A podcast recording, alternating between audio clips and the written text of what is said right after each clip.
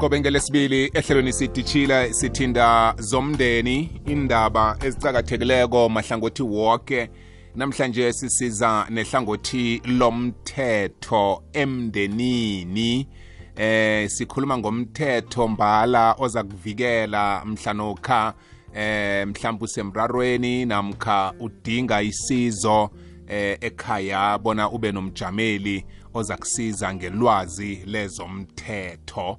Ngikhambisana nobaba uJP Mahlangu uvela kuJP Mahlangu Attorneys eh uadvocate bona ke sizokuba sonke siqale bona ingamhlambe nasikhuluma nge-family advisor legal advisor. Eh sikhuluma ngani begodi ihlogeka nini njani isebenza kiyiphi imkhakha eh emndeni na kungenzeka kunelifa mhlawumunye ekhaya ekufanele labiwe ngendlela efaneleko nehloniphekileko. Aselinoma nesenibize nanyana ngibani kulapha kuvulwa khona incwadi yamafa. Calwe bona incwadi le itlole yathini ozakwazi ukuyihlathulula ngelimi lomthetho eh begodu nokulandela imfiso zikamufi njalo njalo. Namkha kunombango kuyahlukanwa. Eh munye uyale nomunye uyale akusesemnandi kula kungena khona abantu bomthetho. Abazanisiza ukuthi nani noma nihlukana ningahlukani ngokulwa nokunwarana ijayelekile lento eh ngendlini enzima ukuthi nasekuthiwa kuyahlukana bese akusakhulunyiswana kuyaliwa. Abantwana abasazi ukuthi bakhamba noma namkhubaba bokuhlalaphi kuyokwenzakalani ngendlu. Hey! No kufanele umuntu owazi umthetho ukuthi asihlaleni phasi bakwethu wena isifiso sakho sithini wena uthini wena uthini? Ngalo kwalokho-ke bese izinto zikhambiswe kuhle. Bekube mnandi eh nalokho-ke sele ningasaboni ngalihlo linye kungabi nokulwa nokunwarana. Umthetho ubekela into ezifana lezo angazi kuba yini singawusebenzisi kuhle eh, esikhathini esiningi. Kodwana-ke namhlanje ngithe angilethe u-advocate mahlangu azokwazi ukwabelana nathi ngelwazi. Advocate locha akwande bobo david thanda ukulotshisa nabalaleli emakhaya kwamambala advocate ngithokoza ukungiboleka isikhathi kusemini nje. Ngiyanazi nibabantu ababhizi khulu khulukhulu-ke ehlangothini lokuvela ngemakhotho nokusiza ama-client wenu eh, kusemini nje. Namhlanje si ehlelweni sidishile emhathweni kwekwezi sithi sibawe ngakuwe akhe usihlathulele. Nasikhuluma ngomluleki wezomthetho emndenini. Ayi sikhuluma ngomuntu onjani? Um ngithokoza ithuba um masikhuluma ngomluleki kwezomthetho sikhuluma nge-family legal advisor umuntu oba nayo. Eh bengibawa nethi nje ukuthi silo kanje kancane. Kuyenzeka ukuthi abantu kaningi babhadele nje ama-attention ku let's say kuma-funeral policies and then ba mhlambe baloka nje benze nezinto ezifana nama-car bonds noma mhlambe ama home insurance ama-social insurance ama-UIF mm. bazibhadele on monthly basis. But i-problem ukuthi uthole ukuthi bakhohlwa bakhohlwa i-family legal advisor ekuthi kufanele bayenze. Eh into ngiceda ukuzibala nje bonke nje abantu abanazo into zama-funeral they go also to i-family legal advisor. Umuntu oyi-legal advisor uku-advisor legally. Mm. Igama elithi legal advisor atsho ukuthi la kunomthetho khona uyaku-advisa qala musi before uvuka noma before utlikihla into ethile kungaba i-contract ingaba yini kose niyi-check into sizile nehlelo eliqeda ukudlula nje ukuthi abantwana banenkinga zokuthi um into ezifana njengalezo. Bekufuneka ukuthi if into leyo bekufanele ihlogisise kuhle uthole ukuthi umuntu bekanayo i-legal advice bekazabathi before bakuhamba abantwanabo ithole ukuthi i-contract leyo esayiniwe iba right ukuthi kunento ezinye sizibiza ukuthi um unforeseen circumstances izinto sithi sizibiza ukuthi it's beyond an act of god. Yes. Uthole ukuthi zizokwenzeka and abantu bangazazi. Uthole ukuthi umuntu ungena ku-contract angazazi. So mm. mara if une-family legal advisor i-legal advisor izoku-advisa ukuthi into eso siyenzani nangenzeka into enye uthole ukuthi besingakayihlogomeli ukuthi babiza ukuthi vice major ngesikhuwa.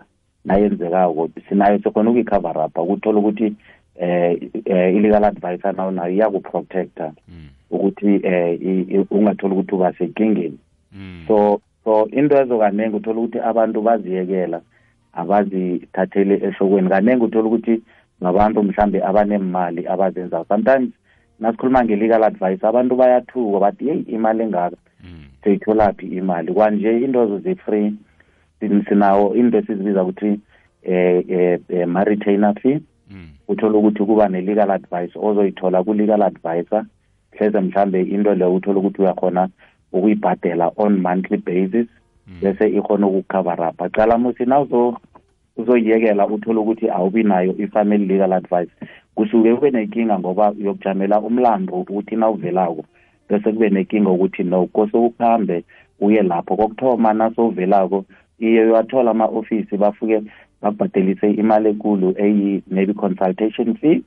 Nakusuka zalo bazokutshela ukuthi eh eh eh bakuhlathulula ukuthi i-problem yini aceda la akupheleli lapho kuzoba nama unending legal eh, eh, eh, eh, cost eziba khona mhlawumbe bakutshele ngama-party and party cost. Ama-attorney and client cost. Lokhu into nazokuya emakhoto mhlambe nama-attorney and client cost. Bese umuntu usuke abe confused agcine ukuthi indezo akasazenzi. Bese kuba yiproblem ukuthi lezi boceda ukuzikhuluma ezinjengezama ama-wills ama-interstate uthola ukuthi mhlambe u- umuntu u- akanayo i-will and ngathani bekanayo i-legal advice. Bekazani obanayo i-will bese bam- bamdraftele khona. I-legal advice iyahelebha ukuthi mhlambe mhlambe ku- ku- ku- ku- kuma-legal divorces it acts as an mediator. Umuntu wakhona umthola free. It's a family ad, uh, uh, attorney or advisor obakhona o-friendly ofikako omfonelako at any time before. Mhlambe uthatha any step ukhuluma nayo. Yeah. So babalukekile ngoba kuba nento esibiza ukuthi um mhlambe bangaku-advyisa ku-contracts noma ku-litigations and then noma emakhoto nama-child spousal support nama-custody they can tell you mm. on a retainer fee ebhedalisako mhlambe ngekwenyanga mm. and then abantu bangayithabi mhlambe i-family legal advisor because it's based on the contract in fact izokupha ama ama ama ama-services a-different wena yenzela ukuthi uzikhethele ukuthi ama-service eh ngimaphi owafunako. Abanye nje bangabuzisa ukuthi kubaluleke njani ukuthi ube nayo i-family legal advisor. I-actor as an insurance. Yeah. Lapho uthola ukuthi eh nayo i-insurance itself uthola ukuthi i-affordable ukhona ukuyibhadela and then ayisi ayikaduri. And uthola ukuthi esinye into yakhona uyithola very easy ukhona ukuyifoyinela. Kuba i-legal policy, policy, policy othola ukuthi ikwenzela izinto ekuthi sebakuhlathulele zona. Into enye nenye oyenzako abanye nje bafuna ukubathathela ama-property because now umuntu wakhona akanayo i-family legal advisor ekukuthi mhlawumbe umuntu uthola i-letter of demand naceda la athola ama-summons. Solo ayekelile because akanayo that uh, uh, information yokuthi how to how to respond mm. to i-letter of demand how to you respond Yeah. kuma-summons whereas i-legal advisor leyo bongayibhadela on monthly basis ngemali echiphileko bongabafowunele bese bathole kuhle bese baku-advisa ukuthi okay ile- i-letter of demand nasi eh eh batshele ukuthi uyitholile usaprepara uyabuya ama-summons nakafikile okay batshele ukuthi no mina ngibereka umbereko so or umbereko wami waphela ngingakhona ukunibhadela mhlambe i-hundred rand ukuthi mhlambe into leyo ibe phakathi. Mara nonganayo i-family legal advice ungaba ne-problem inye enkulu ucela uthole ukuthi sebagcine bakuthathelani nendawo esibiza ukuthi yindlu. So abantu abaningi um um um bangazibuza ukuthi benzani ama amalokanje ifam ama-rules we-family legal advisor or i-lawyer. Bakurepresenta nabo. Some some of the cases they don't need to go to court. Bayisukela khona lapho but sometimes uthola ukuthi kunama-institution uthola ukuthi bayenzile this legal cover but ba-employile mara they don't have uh, the qualified attorney. Ba- benza izinto esizibiza ukuthi ma-outsource bese bakhambe bokubhadela. That is why sometimes uthola ukuthi mhlawumbe baba-defensive ukuthi uchubeke whereas mara nawazi ukuthi unegcwetha eli- eh, elikwenzelako into leyo uthola ukuthi mhlambe li- li- linayo le retainer fee. And then kuba kuba ngcono ngoba imali ozibhadelako ziba affordable. And then bakurepresenta and then then ba-acta as a source of advice immediately. And then khulukhulu benza into ezinye esizibiza ukuthi i- i- i- i- keeping of records. Lapho uthola ukuthi lapho sikhuluma ngendaba zamawili. Siyazi ukuthi amawili alwanisana. Sometimes kune-valid will there's invalid will. And uthola ukuthi kunenye iwili iyaquestiona phambili Ina- inama-requirements akhona. So if you have a family legal advisor or an attorney angadraftela iwili ayikhiphe in, into a self, a self record nethi mase kuvele ihlekelele leyo bese uthi uyayiveza-ke bese ayenze ku- i- i-state divorce ngendlela efaneleko. Mara nonganayo you end up abantu seba- sebalo balwela imvelo so ifa- i-family legal advice ibaluleke khulu ngoba iyafana nawo ama ama ama-funeral iyacover upha and then sometimes mhlambe i-property ufuna i-advice banitshela nangayo and sometimes ufuna ukungena ku- ku-contract also banitshela mhlambe i-criminal law omunye ubambiwe they can easily advise you rather than ukuthi uyokuthola ukuthi ukhiphe imali ubhadele ekulu. Kunento esibiza ukuthi i-police bail. Kunamanye ama-case uthola ukuthi mhlawumbe afuna nedi ukunegotiatiwa telephonically. Mm. so mara nabe ukuthi ubowazi ukuthi i-legal cover unayo into zingakurejuzela sometimes uthole ukuthi ukhiphe imali eziningi ekugcineni they also deal ngento esizibiza ukuthi ma-civil cases. They also ba- ba- bafocusa endabeni zenu zezindlu. They also deals eh, ngama-maintenance matter divorce matter. So ibaluleke khulu i-family legal advice. It's like ubaba onaye ekhaya nawulilela kuye ukhona ukwenzela izinto or ubhuti nomazi ukuthi ugudi ngento ezinjani ukhona ukulilela kuye ngoba wena uyazi ukuthi sonayo ama-terms we- we- we- we-coverage I- i- i-family legal advisor nasiyisa nge-context ye-legal cover also uthola ukuthi mhlambe yenzeka ukuthi na une-business ekhaya they are able also to cover ama-pitfalls langavela kubhizinisi yakho mhlambe uhirile abantu they can draft you ama ama contracts or for ilokan employment contract bakunegotiatele. Whereas if bowujamile unganayo that legal cover engenza ukuthi ibhadele on a retainer basis yokufuna ukuthi ukuhambeke uyokhipha imali in a lump sum. Bese uthola ukuthi awunayo. Ekugcineni ugcina wenzani? Awusafuni ukuya ngalo yokuthola ihelebho lezomthetho mhlambe so-operator illegal. Umuntu mhlambe uyatsha ekhaya eh, emberegweni akasayini i-contract bese-ke soyathoma-ke umuntu lo yakusuwa ufuna ama-millions kuwe ebhizinisini akho mara bo-ignorance so into ekhona ukuthi i-family legal advisor it's important ukuthi abantu babe nayo ukufana nje ngama-funeral cover okufana njenge enkoloyi esizithengako uthola ukuthi siyangena ku-insurance. Uthola ikoloyi esiyithengako mhlawumbe ubhadela abo-insur- abo-insurance let's say bakuhamba boma one point five but then nawufika ku-family legal advisor mhlambe depending on the retainer fee enzabe nizene ngayo it can range mhlambe from aboma-hundred rand uya kubo-two fifty depending ukuthi uyinsura ini fana nenkoloyi na uyi-insurako ikoloyi e- e- i-amount akhona eyincane angeke yafana nekoloyi othola ukuthi i- i-value yakhona iphezulu so indezo kufanele abantu bekhethu bangazithatheli phansi bazikhambisise bazenze ba- ba- ba- ba- ba- i-legal cover ibe khona always umuntu abe ne-family legal advisor ozom-advisa ngakho ngaba kungena emtshadweni kungaba mhlambe yona i-contract esiqeda ukuyikhuluma nakhona mhlambe uthola i-offer somewhere or yombereko ufuna ukuyi-check-a kunezinye ama ama-conditions esiwabiza ukuthi ma-hidden terms and conditions othola ukuthi they are not favorable to you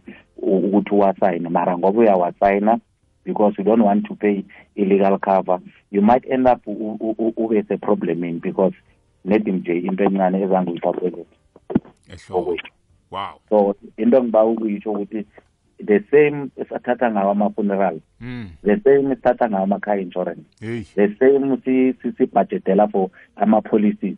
Nawo abantu kose ba- ba- bayihlogomele ukuthi i-legal cover ibalulekile ngoba ingakuvalela zona indwebo. Laba abantu abathatha ama-contract wama-funeral abathatha ama-contract wenkoloyi they also come i-family legal advisor. Azoba-advise abantu abandraftelayo ama-contract layo inowasayinawo sebazishekile kokufanele legal advisor yabo ukuthi lana siso singayibetha njani into le? Ngakho nawe isayinayo into le kuyafunakala ukuthi ube ne-family legal advisor ezokunceda ukuthi ube protected heyi ufanise ngento ekulu ama-funeral cover eh imbonelo lezo. Uthole si-insure umuntu oyedwa eh kuma-funeral cover maningi ahlukahlukeneko. Kungenzeka ngumma namkha ngibaba sonke nje simfake kumapholisi wethu eh asinayo i-family legal advisor.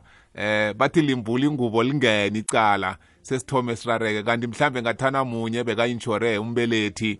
Bese amanye ama-payments lawa wama-funeral cover afanako la ngathana size saba negqwetha lekhaya eh elizasisiza mhlanokha sidinga umuntu womthetho. Advocate isikhathi esalako eh ubuthelele konke uphendule konke bengithi ngizakulandelela.